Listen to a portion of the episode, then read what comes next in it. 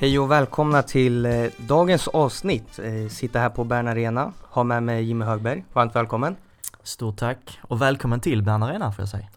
Hur är läget med Jimmy idag? Läget är alldeles utmärkt. Kommer efter en Svenska cupen-match här in i ny träningsvecka. Inför en ny Svenska cupen-match till helgen så att eh, kul, fotbollen rullar på. Mm. Nu är det lite oklart när avsnittet kommer att släppas men hur nöjda var ni med matchen mot Gais?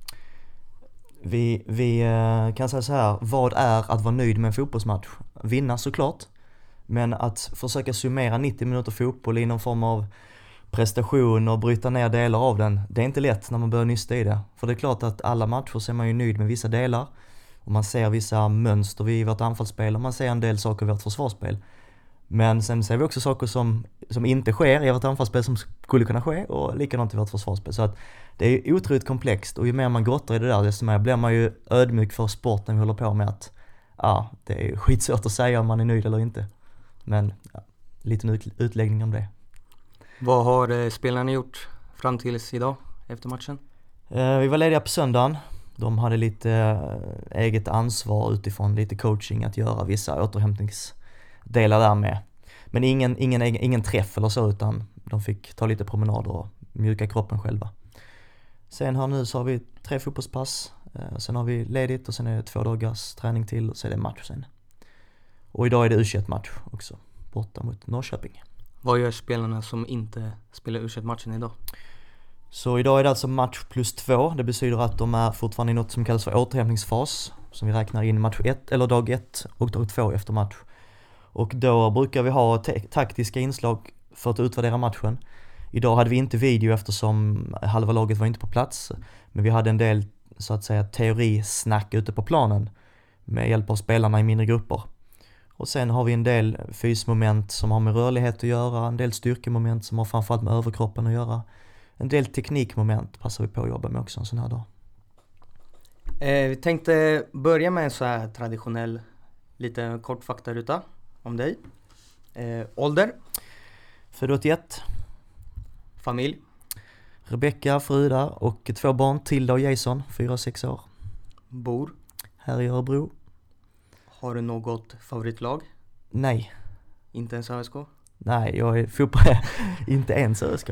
Nej men jag är ju, jag håller på dem jag jobbar med. Och jag har jobbat med ÖSK i många år nu så att det är klart att jag håller på ÖSK.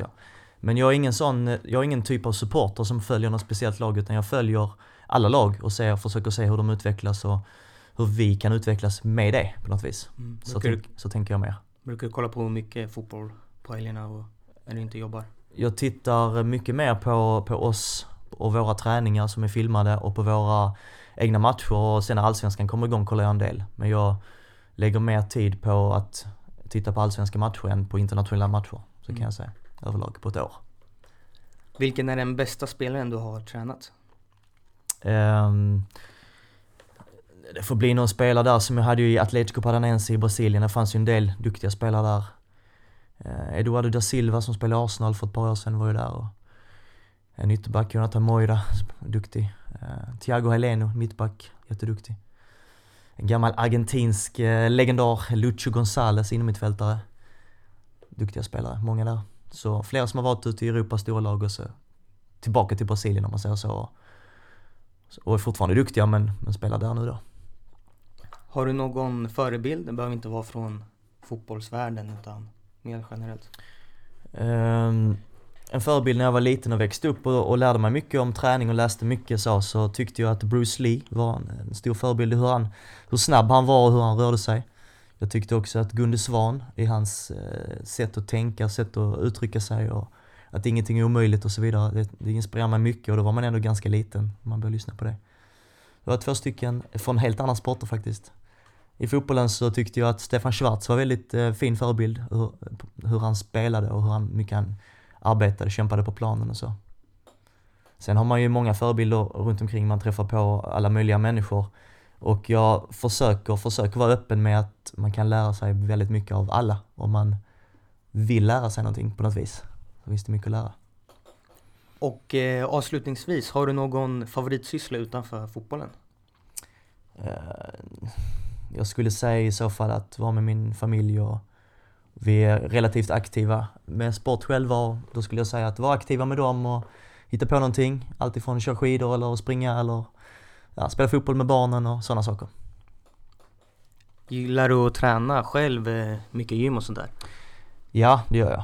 Försöker hålla igång, försöker göra någonting varje dag. Det är min inställning att göra något varje dag och så vissa dagar blir det inte och då blir det en naturlig viladag. Är du bäst tränad i hela ÖSK? Absolut inte. Men i hela tränarteamet eh, så kanske. Fast eh, Axel är rätt så bra på bänkpress måste jag säga. Det är inte jag.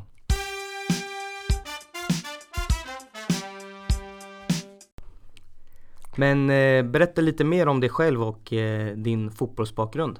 Ja, eh, jag har spelat fotboll sedan jag var liten hela livet. Det har varit min, min eh, nummer ett sport så att säga. Sen har jag hållit på med många andra sporter också men det har alltid varit fotboll som har varit den stora grejen och som jag har drömt om att bli bra i och, och, och ganska snabbt sen velat bli tränare i och sådär.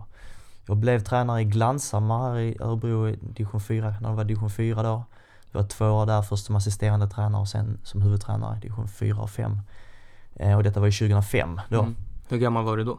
Eh, 20, ja 2005, jag var 24 år då. Mm. Hade du slutat spela själv ja, helt? Mm. jag spelade BK Forward året innan där då. Sista året i division 2 som det hette då. Men jag hade problem med en skada och eh, funkade inte så bra med min fot och så fick jag möjlighet att bli tränare och då tyckte jag att det passade alldeles utmärkt för jag ville bli det i framtiden så att passade det bra.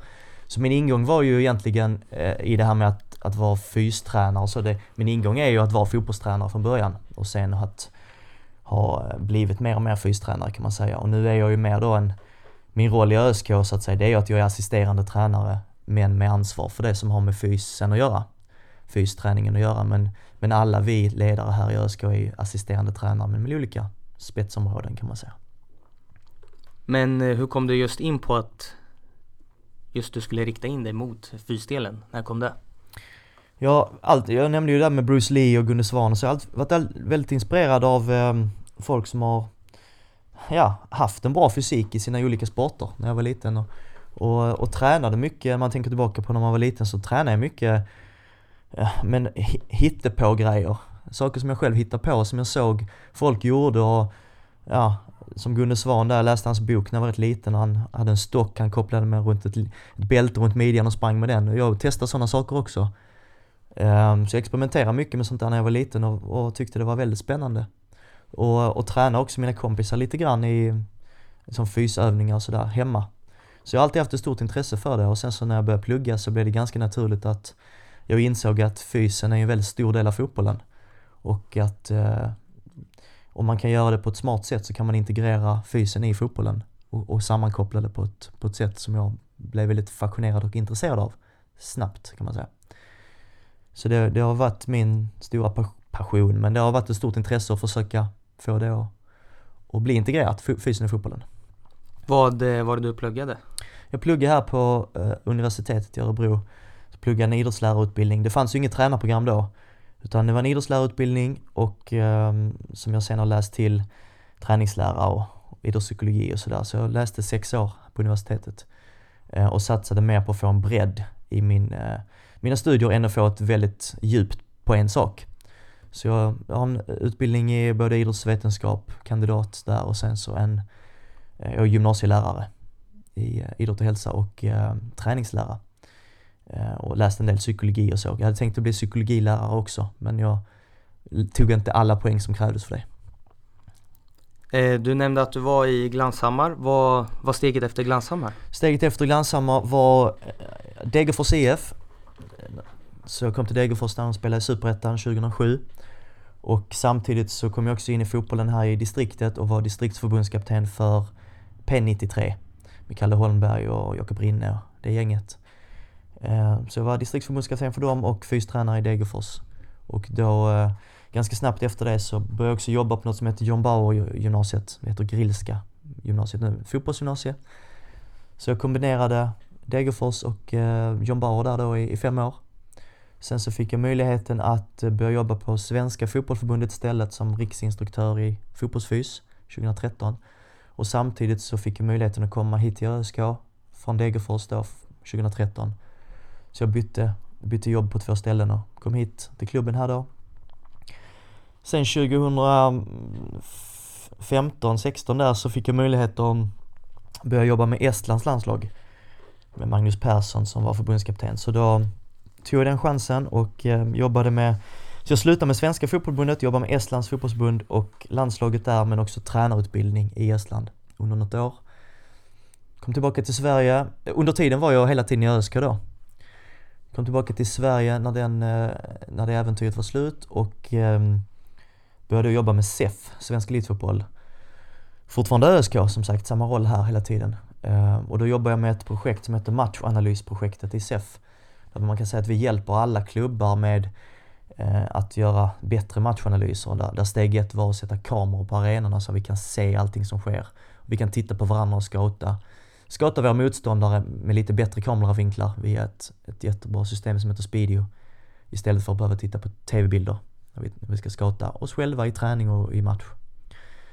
Eh, när det var slut sen, så det projektet var slut, så eh, fick jag möjlighet att åka till Brasilien och jobba som performance manager i en klubb som heter Atletico Paranaense. Eh, som är en klubb i en stad som heter Curitiba. Så en stor klubb där. De hade vunnit ligan för något år sedan och eh, jag kom dit och jobbade för ett amerikanskt bolag som heter Team Exos. Exos är väl mest kända för att de har jobbat med tyska landslaget sedan 2004. Hur kom du i kontakt med dem?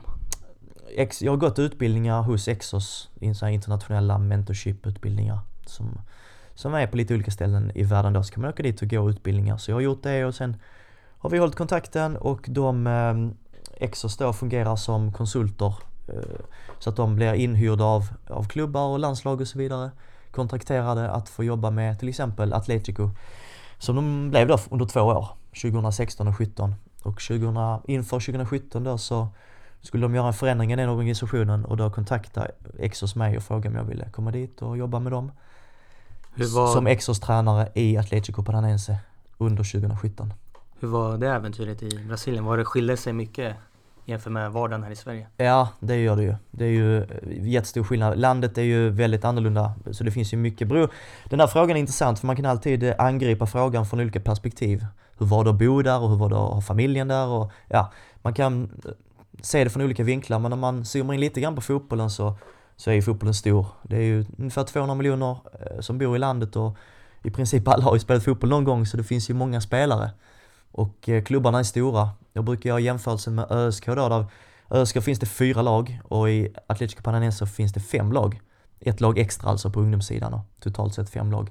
De hade 200 anställda i klubben. Och vi i ÖSK har väl, vad vet jag, 15 kanske. Och nu pratar jag inte om spelare utan nu pratar jag mm. bara om personalen. Så det är mycket personal eh, som jobbar med lagen och som jobbar med klubben. Och många spelare, ungefär 150 spelare som bor på träningsanläggningen. En annan siffra som är intressant att lyfta är på restaurangen där i, i klubben så serveras det 700 måltider varje dag på frukost, lunch och middag. Och det säger rätt mycket om hur mycket folk som kommer till deras restaurang och käkar mat. Och då är, ju inte, då är det inte folk som kommer utifrån utan det är ju bara spelare och tränare och personal. Så 700 måltider totalt sett, då förstår man att det är en stor klubb. Och de vann ju också en jättefin titel här nu i eh, för, slutet på förra året när de vann det här Copa Sudamericana som är motsvarigheten till Europa League. Som är, ja, deras motsvarighet, Europa, Europa League helt enkelt. Så en stor cup som klubben vann där. Så roligt att få vara en del av det. Vad var det exakt som eh, var syftet med sessionen där? Vad var det de ville att du skulle göra? Ja, titeln, eh, titeln hette ju Performance Manager och det jag gjorde var att jag skulle utbilda dem i fotbollsfys enligt Exos arbetssätt då, som det här amerikanska eh, fysbolaget heter. Men de hade redan varit där ett år och utbildat klubben i, i mycket av grunderna i hur de jobbar, men sen ville de att någon skulle kunna komma dit och jobba mer med fotbollsfys, så att säga, hur man mer integrerat kan koppla ihop fysen och fotbollen. Och, eh, och eftersom jag har gjort det både i Sverige och, och i Estland och, och så vidare så har de ju följt det arbetet och tyckte väl att det var intressant att få dit mig där då. Så mitt jobb var ju att eh, att utbilda dem i det helt enkelt och få dem en, ge dem en större förståelse för periodisering till exempel och långsiktigt tänkande med sina akademilag och sitt A-lag. Ehm, så jag var, man kan säga att jag var assisterande tränare i alla de där lagen. Jag var med i A-laget på alla matcher på hemmaplan och jag följde dem i träning. Men sen följde jag även de olika akademilagen i träning på eftermiddagarna. A-laget tränar förmiddagar. Ehm, men sen höll jag också utbildningar där jag satte samman ett material för dem då.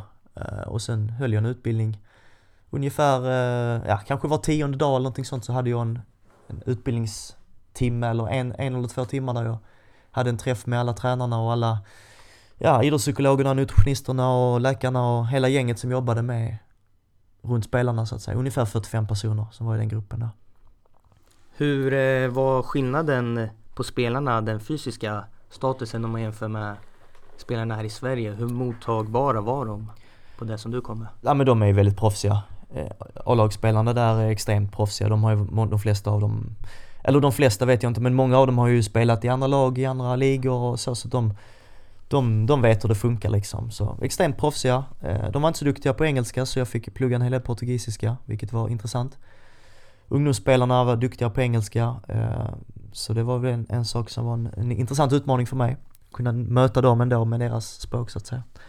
Ehm, men, men superproffsiga och gjorde precis det de skulle, skulle jag säga. Så att det var inga problem på något vis. Eh, en stor skillnad i fotbollen i Brasilien är att man spelar extremt mycket matcher. De hade ju under det året jag var där 80 matcher eller om det var 79 matcher med alla, alla matcher då. Så att det är ju väldigt mycket matcher totalt då med, med olika kupper och olika, de spelar ju olika ligor också. Så att mycket matcher att hålla ordning på, då blir periodiseringen väldigt viktig. Och också den här individuella periodiseringen, vi hade ju truppen, ibland var ju uppe på 40 spelare och ibland var den nere på 25 så det skiftade under året. Och då gäller det ju att få, få koll på det så att säga vilken fas så att säga i mikrocykeln är respektive spelare i.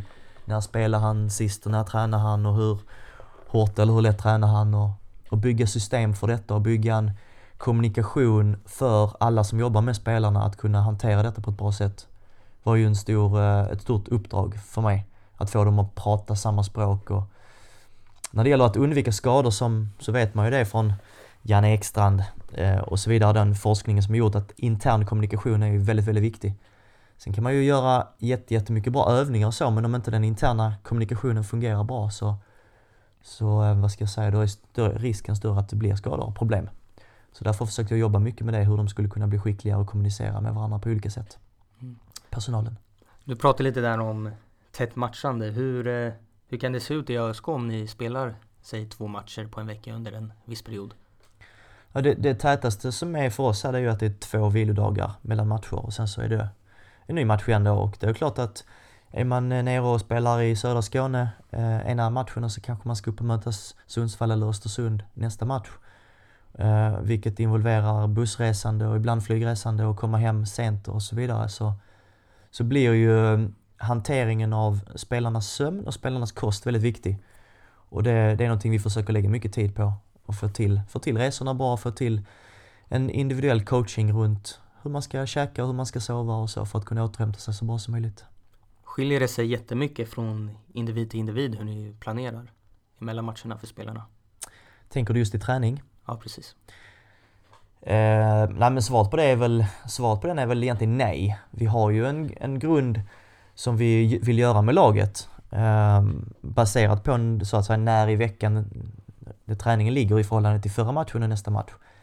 Men sen gör man en grund som är, ja, det vi kallar för den kollektiva periodiseringen. Men sen så utifrån den sen så måste man ju alltid anpassa för varje individ.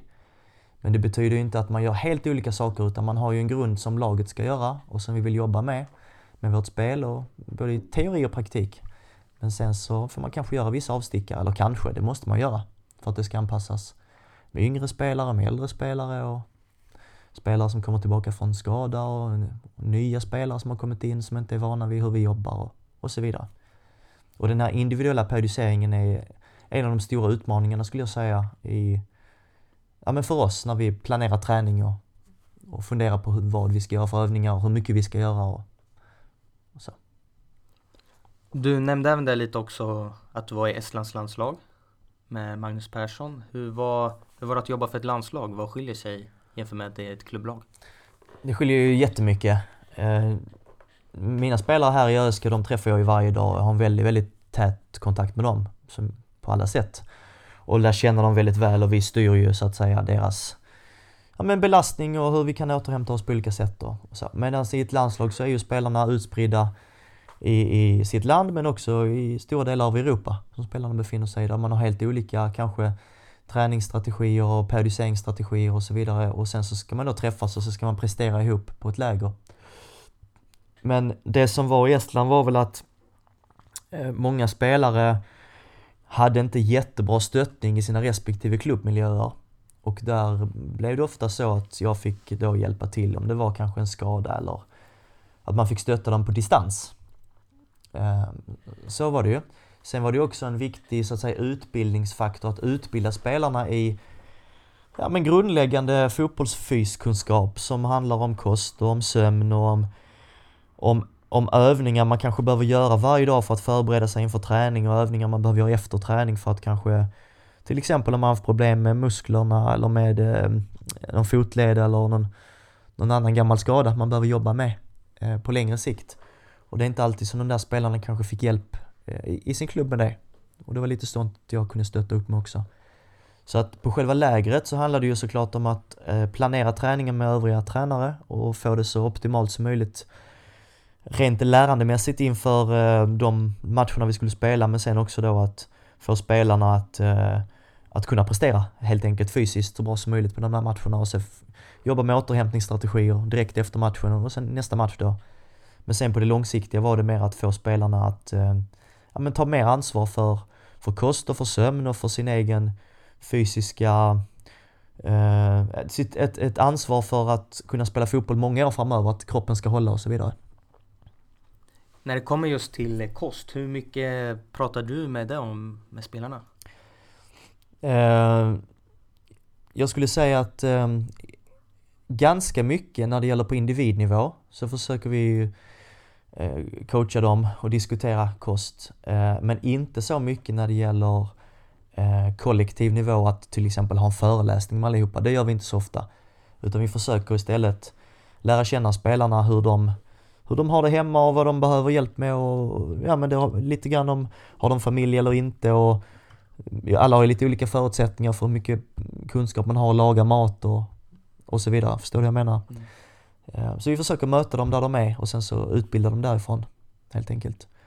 Ehm, varje dag har vi också en, en, ett wellnessformulär som spelarna får fylla i och där är en av frågorna vilken kvalitet åt du på maten igår? Vilken kvalitet hade du på din mat igår? Och då får de skatta sig på en siffra från 1 till 10. Och då får man ju en siffra som spelarna tvingas reflektera över, så att säga, hur bra åt jag igår? Och med hjälp av en sån siffra så kan vi sen starta en diskussion också. Om en spelare kanske har fyllt i en femma varje dag de senaste fem dagarna, kanske jag frågar den spelaren, men vad, nu har du fyllt i en femma här. Vad betyder det för dig och hur skulle vi kunna göra så att den femman blir en sexa? Vad skulle vi kunna göra så att det blir lite bättre? Kosten är ju så att det är ju ingen, ingen quick fix utan det handlar ju om att göra små justeringar över tid som funkar för respektive individ. Är det många som eh, frågar om hjälp och, eller blir tvingade till kostschema? Kostschema ger vi ju inte så mycket. Och när du säger kostschema då tänker jag att man i princip ger ett recept till en spelare som är ät det här liksom.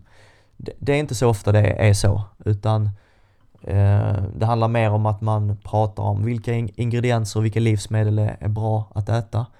Och lite hur, hur ska man tänka efter match och hur ska man tänka kanske dagar när man är ledig och lite grann att periodisera sin mat också. Och eh, vilka dagar kan det vara läge att äta lite skräpmat och om man nu vill göra det någon gång. Och det man behöver ju eh, gå till varje spelare för alla har ju lite olika preferenser för vad man tycker om och så vidare. Så inte så mycket kostschema, mer, mer coachande om man säger. Man har ju sett att ibland i svenska landslaget att de kan sitta och trycka i sig en pizza efter en match. Har ni, mm. Gör ni det i ÖSK också? Det är ju så att eh, efter en match så är ju spelarna, det kostar ju mycket energi att spela en match och spelarna är ju väldigt trötta också och trötta menar jag att man är, eh, magen är inte så, eh, det är inte så lätt att få i sig den energin man behöver alltid efter en fotbollsmatch. Och då är det ju så att ibland är det lättare att få i sig mat som till exempel pizza. Alltså den klassiska skräpmaten om vi kallar det för det. Mat som vi inte vill äta särskilt ofta, mat som inte är, är hälsosam för någon egentligen om man äter det för mycket. Men direkt efter en fotbollsmatch så behöver man ju hjälpa spelarna att få i sig energi. Och det gäller då att hitta vägar att göra det. Och om man har en spelare som inte kan få i sig mat på annat sätt än att äta en pizza, då är ju en pizza bättre än ingenting. Men eh, det är klart att eh, det är inte någonting, det är viktigt att skilja på direkt efter match och direkt, eller förlåt, eh, det här dagliga sen. Är du med på vad jag menar? Och jag vet att det är ungefär på samma sätt som man resonerar i diverse lag som kanske har pizza i omklädningsrummet. Man tar in och så får man, just för att det är lätt att få i sig lite, lite den maten direkt efter. Du nämnde också det här frågeformuläret som spelarna fyller i. Vad, vad mer finns det för frågor som de ska svara på? De får svara på hur många timmar de sov. De får svara på vilken kvalitet som sömnen höll. Hur de bedömde att kvaliteten på sömnen var.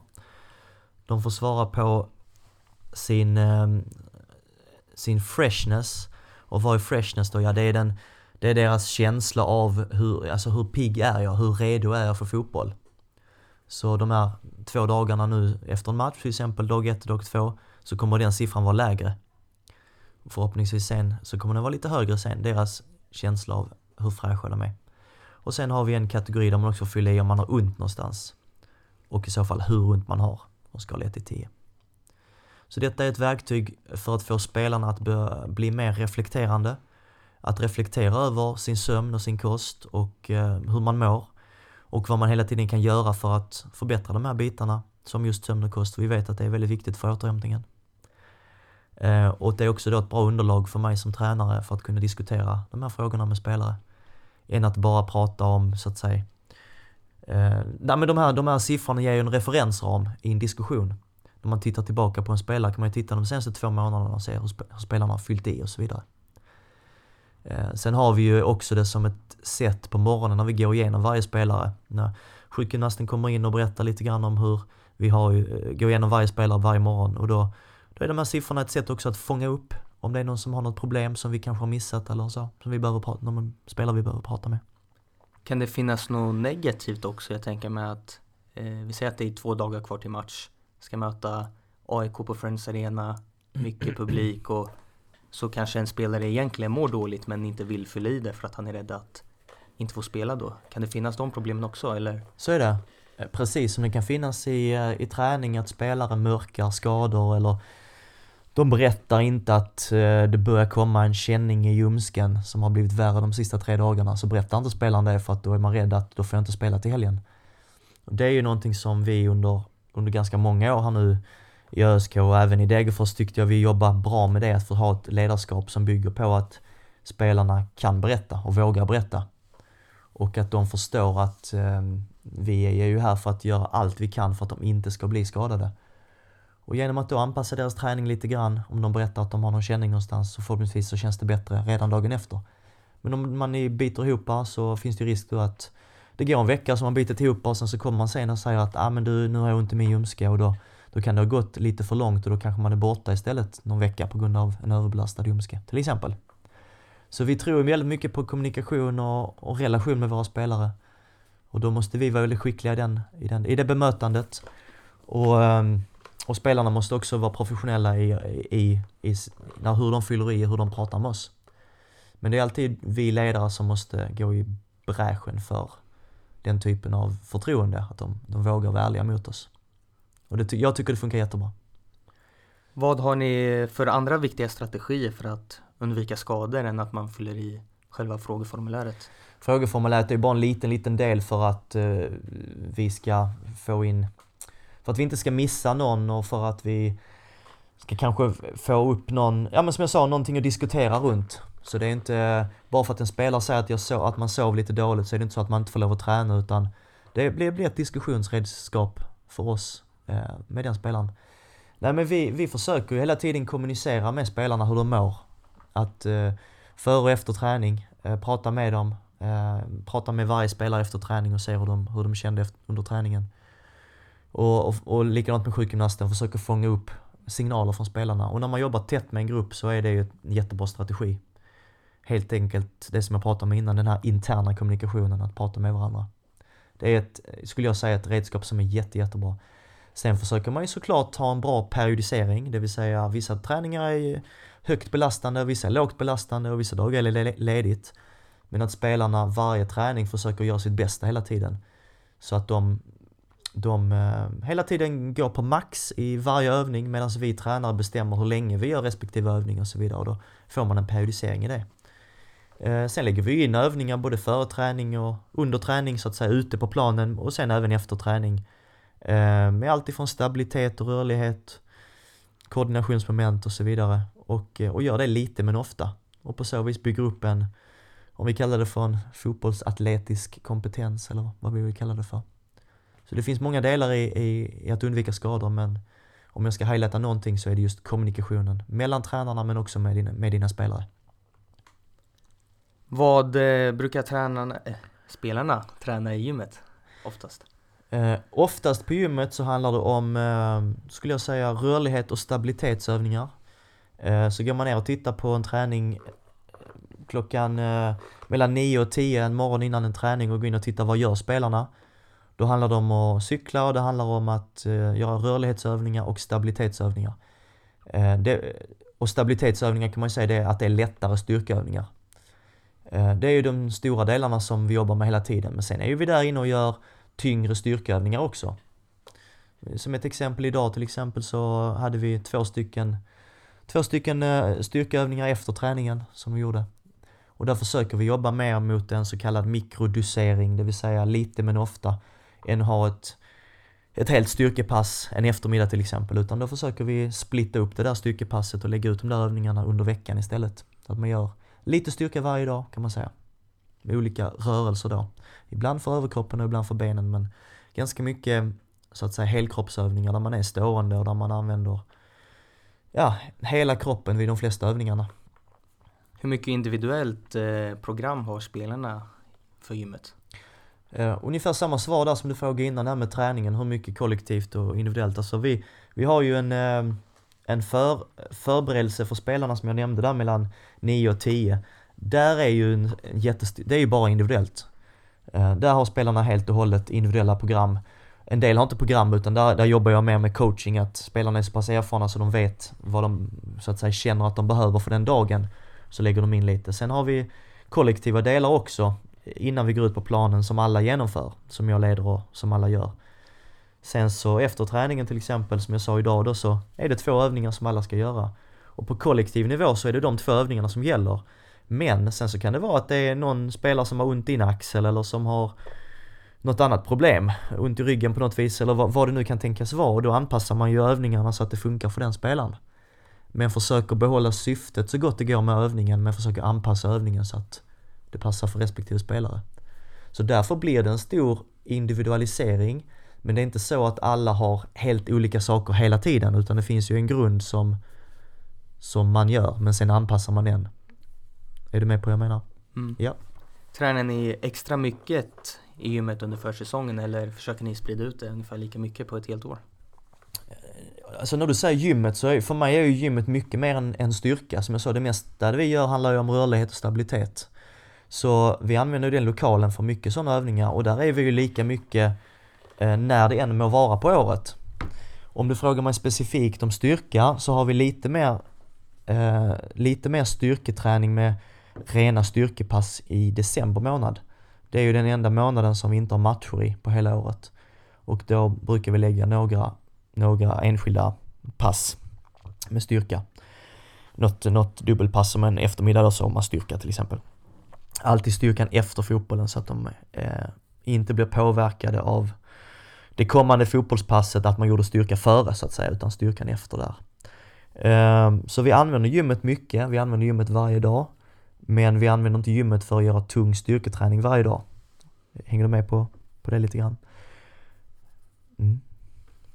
Men eh, under försäsongen så nu är det såklart förändrats jämfört med förr men nu vill man ju ändå såklart träna upp sig och man tränar kanske lite tuffare än mitt under säsongen. Men hur gör ni för att hålla spelarna fräscha? Ni är ju trots allt cupmatcher nu och... Mm. Nej men du nämnde ju själv det, det har ju ändrat sig väldigt mycket hur man ser på hur man ska träna fotboll och där, där kan man säga att ledordet är prestationsstabilisering. Man tänker inte riktigt längre att nu är det försäsong så nu ska vi träna spelarna i flera månader så de är nere i källaren inom situationstecken och är trötta. Utan vi värderar våra fotbollsträningar så högt att varje fotbollsövning och fotbollsmoment vi gör så vill ju vi att spelarna ska kunna göra det med 100% maximalt utförande. Eh, och därför så kan inte, till exempel när man kommer tillbaka i början på januari, då kan man inte tänka nu är det försäsong, nu jäklar ska vi köra.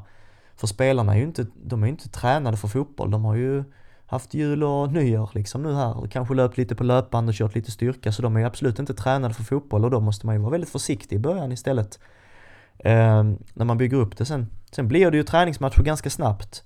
Vi spelar väl, om jag minns rätt här nu, den 19 18 eh, januari spelade vi vår första träningsmatch och då, det var ju efter två veckor, vi hade tränat två veckor, två veckor fotboll och sen var det dags för match. Så att, eh, och när det då är dags för match så vill vi att spelarna ska vara fräscha till den matchen så det inte riskerar bli en, en skada för att spelarna är trötta och så går en muskel sönder för att man är trött. Eh, utan man stegrar belastningen sakta men säkert. Sen kan det vara att man eh, ha, har något extra styrkepass en eftermiddag. Jag nämnde ju december månad till exempel. Så där när det inte finns matcher. Och även fram till den första träningsmatchen kan det vara så. Men sen så fort matcherna börjar då blir det den här prestationsstabiliseringstanken att man tränar in mot varje match. Det vill säga man planerar de, de, de, så att säga, den veckan fram mot matchen eh, med en, en belastningsfas och en matchförberedande fas och sen efter matchen så blir det en återhämtande fas och sen belastningsfas och sen matchförberedande fas igen. Som du kan se en kurva framför dig som går upp och går ner. Så istället för att man får spelarna långt ner på den här kurvan under hela försäsongen så gör man en liten sån här kurva varje vecka istället. Så att vissa träningar är jättejobbiga för spelarna men då brukar det vara ledigt dagen efter och så förhoppningsvis har de återhämtat sig sen till två dagar efter när det är nästa träning då. Nu vet jag inte om du har lyssnat på just den men Pontus Jansson var med i en intervju vid Fotbollsexperterna och då pratade han om att han ibland kunde känna sig trött inför matcher. Mm. Och eh, Marcelo Bielsa har ju väldigt speciella träningsmetoder. Vad tänker du kring dem? Att gå in specifikt och kommentera en träningsmetod som jag inte känner till är ju, är ju lönlöst för jag vet ju inte hur, de trä, hur han tränar, Bielsa. Men jag hörde också Jansson berätta där och så att eh, på principnivå kan man ju säga det att om en spelare går in i en match när man är trött så eh, blir ju troligtvis risken för att skada större och troligtvis kommer risken att vara så kallat snabb i de här fotbollsaktionerna. Passningar, mottagningar, snabba förflyttningar, löpningar och hopp och allting man gör på en match, alla aktioner. Då finns ju nu risken att man inte är lika explosiv i de där aktionerna under matchens gång. Så att eh, det är ingenting jag skulle förorda, eh, att man går in i en match och är trött. Snarare tvärtom. Det är därför vi kallar det för matchförberedande fas, för att, att se till att man blir fräsch inför matchen där, de kommande dagarna före. Därmed inte sagt att träningen är lågintensiv, så som man ibland pratar om, utan snarare lågbelastande.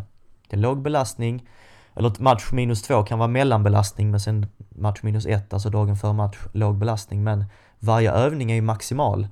Så varje övning vi gör eh, ska ju spelarna göra sitt absolut yttersta. Men vi håller inte på så länge och vi gör inte så många repetitioner och inte så mycket volym. Hur tror du att eh, fotbollsfysen kommer att utvecklas och se ut i framtiden? Ja, eh, fotbollsfysen är ett stort område. Tänk, tänker du just på träning eller tänker du på Alltså specificera frågan gärna lite. Nej men liksom allmänt, eh, alltifrån gymmet till ute på planen hur man ska träna och... Ja men jag tror att, eh, okej, okay, jag tror så att man kommer att bli duktigare och duktigare på att förstå hur eh, belastande alla möjliga övningar är på planen. Så man kommer få en för större förståelse för hur man kan ännu bättre liksom integrera fotbollsfysen med fotbollen. För att det är ju en naturlig del att om vi gör en fotbollsövning och jag tvingas springa så snabbt jag kan i 30 meter och sen slå ett inlägg så, så integreras ju eh, min förmåga att springa snabbt i 30 meter och slå ett inlägg naturligt i den övningen. Och om jag då kan mäta det bättre, mäta vilken belastning det ger eh, i olika övningar så kommer vi kunna planera träningen bättre och förstå också bättre kanske hur slitsam det var för spelarna. Man kan jämföra det med vad, vad man är van att göra så att säga. Och med dagens pass och så vidare. Så jag tror man kommer få större insikt i hur mycket olika övningar så, så att säga sliter på spelarna. Kan det vara bra ibland att bara gå ut och springa och träna isolerad löpträning och få känna sig trött liksom? Eh, nu sa du ju olika saker här. Att få känna sig trött, liksom, det blir man ju på en högbelastande fotbollsträning. Man blir extremt trött på en högbelastande fotbollsträning, men det blir man genom att spela fotboll. Och det innebär att man kommer springa när man spelar fotboll, precis som man gör på matchen. Och förhoppningsvis enligt det arbetssättet som laget har så tvingas man ju också ta beslut och jobba med, eh, så att säga, hjärnans förmåga att ta beslut under tiden man blir trött. Och det är ju så vi tänker mycket, mycket mer idag kanske än generellt vad man gjorde för några år sedan. Därmed inte sagt att man aldrig någonsin får springa. Eh, vi eh, lägger ofta på lite löpning, ett högbelastande fotbollspass de sista kanske fem minuterna, kanske tio minuterna. Men, men i ärlighetens namn så kanske det är lite mer för att spelarna inte ska riskera att dra på sig en skada när de är så trötta i slutet på en träning, när det är hög belastning. Och då kanske man vill ta några minuter där man vill belasta dem lite till men att inte riskera att det blir någon duell eller man kommer in sent och, får en stämpling eller trampar snett med foten eller vad det kan vara. Eh, så det är ju en sak. Sen ska man ju alltid komma ihåg att eh, eh, det är inte fult att springa. Alltså vi har ju delar av träningen i det vi kallar för förberedelseträning, det vill säga inledningsvis på träningen, där vi gör vissa löpningar utan boll. För att vi vill komma upp i vissa hastigheter och vi vill göra vissa riktningsändringar och sådär. Då kanske jag bygger en liten bana för det för att försäkra mig att, om att alla spelarna har, har fått träna på det. Så det är inget fult med det. Men jag tycker att man ska verkligen fundera på hur man spelar sin fotboll och sen ska man träna sitt lag på det sättet. Eh, men det kan vara att det är snö en dag. Det kan vara att man eh, inte har möjlighet att träna fotboll enligt sitt arbetssätt. Då kanske man behöver kombinera eller komplettera med att löpa lite grann. Så ja, försökte nyansera det lite grann. Mm. Om, du, om det är någon tränare nu som sitter och lyssnar som tränar ett ungdomslag, hur mm. kan man jobba med fysdelen för yngre åldrar? Uh, yngre åldrar som är, tänker du ungdomar när de är, spelar 11 fotboll eller tänker du mer barn eller? Jag tänker mer mot barn. Alla de allra yngsta alltså? Kanske mellan 6 till 12 år? Ja. Då skulle jag säga att um, det handlar väldigt mycket om att träna allsidigt. Det handlar väldigt mycket om att eh, få barnen att tycka det är kul med fotboll så att de vill komma tillbaka och fortsätta. Eh, och det gör man genom att skapa en lekfull eh, atmos atmosfär där eh, de momenten man gör är, är lekfulla och eh, en riktigt skicklig tränare kan ju bygga lekar och fotbolls, så att säga, spel på små ytor och så vidare där man leker med bollen på olika sätt. Eh, men också få in då fysmoment i det utan att behöva prata om det med sina barn. Där de tvingas liksom riktningsändra och, och hantera att det finns folk i vägen som man inte bara kan springa rakt in i och så vidare. Kunna träna på att orientera sig samtidigt. Men, men eh, som jag började också, att få in det allsidiga. Att, eh, jag brukar säga så, om inte barnen får slå en kullerbytta utanför fotbollen eller i sin andra sport, om man inte håller på med en annan sport, då måste tränaren vara skicklig att väva in den typen av allsidiga ja, atletiska grundförmågor liksom. Som kullerbyttor och rulla och ja, kanske gå på händerna och allt möjligt sånt där för barn och, och leka fram det. Nu eh, tänkte vi runda av här. Hur eh, slutade det för ÖSK två, säsongen 2019? Det har jag ingen aning om faktiskt. Utan eh, jag tänker på nästa träningsvecka, nästa match och sen så funderar jag på hur spelarna ska utvecklas och hur de ska hålla sig skadefria. Hur ett resultat ska bli i en serie är helt omöjligt för mig att säga och det är faktiskt ingenting jag tänker på utan jag tänker bara på hur vi kan optimera att vinna nästa match. Att vinna nästa match och träna inför den matchen oavsett om det är en träningsmatch, en cupmatch eller en, en seriematch. Eh, det är liksom nummer ett och sen nummer två blir att hjälpa spelarna med också den här långsiktiga eh, förståelsen att ta hand om sig själv genom att sova bra, att sova tillräckligt länge, att äta bra. Eh, för att det är sånt som kanske inte alltid man ser på kort sikt utan man, man får resultaten längre fram. Så, så tänker jag mycket, mycket mer än att tänka på ett visst resultat i, i serien. Vi ska vinna nästa match, det är vårt mål. Och sen ska vi ha en väldigt bra process fram tills dess. Har du tips på någon gäst som du skulle vilja höra i podden? Oj, det var, det var, det finns ju jättemycket intressanta människor såklart. Uh, tänker du på några Örebro-profiler eller tänker du? Generellt? Uh, Ja men jag, jag tycker ju att eh, Axel Kjell är ju en, eh, det är ju, jag har jobbat nära honom här i klubben och han är otroligt duktig och varje gång jag lyssnar på honom där han berättar till exempel på någon fotbollssymposium när han står och berättar om någonting så tycker jag han gör det jättebra. Så att jag tycker du ska prata med Axel. Det får vi se till att lösa. Tack så mycket Jimmy att du tog dig tid.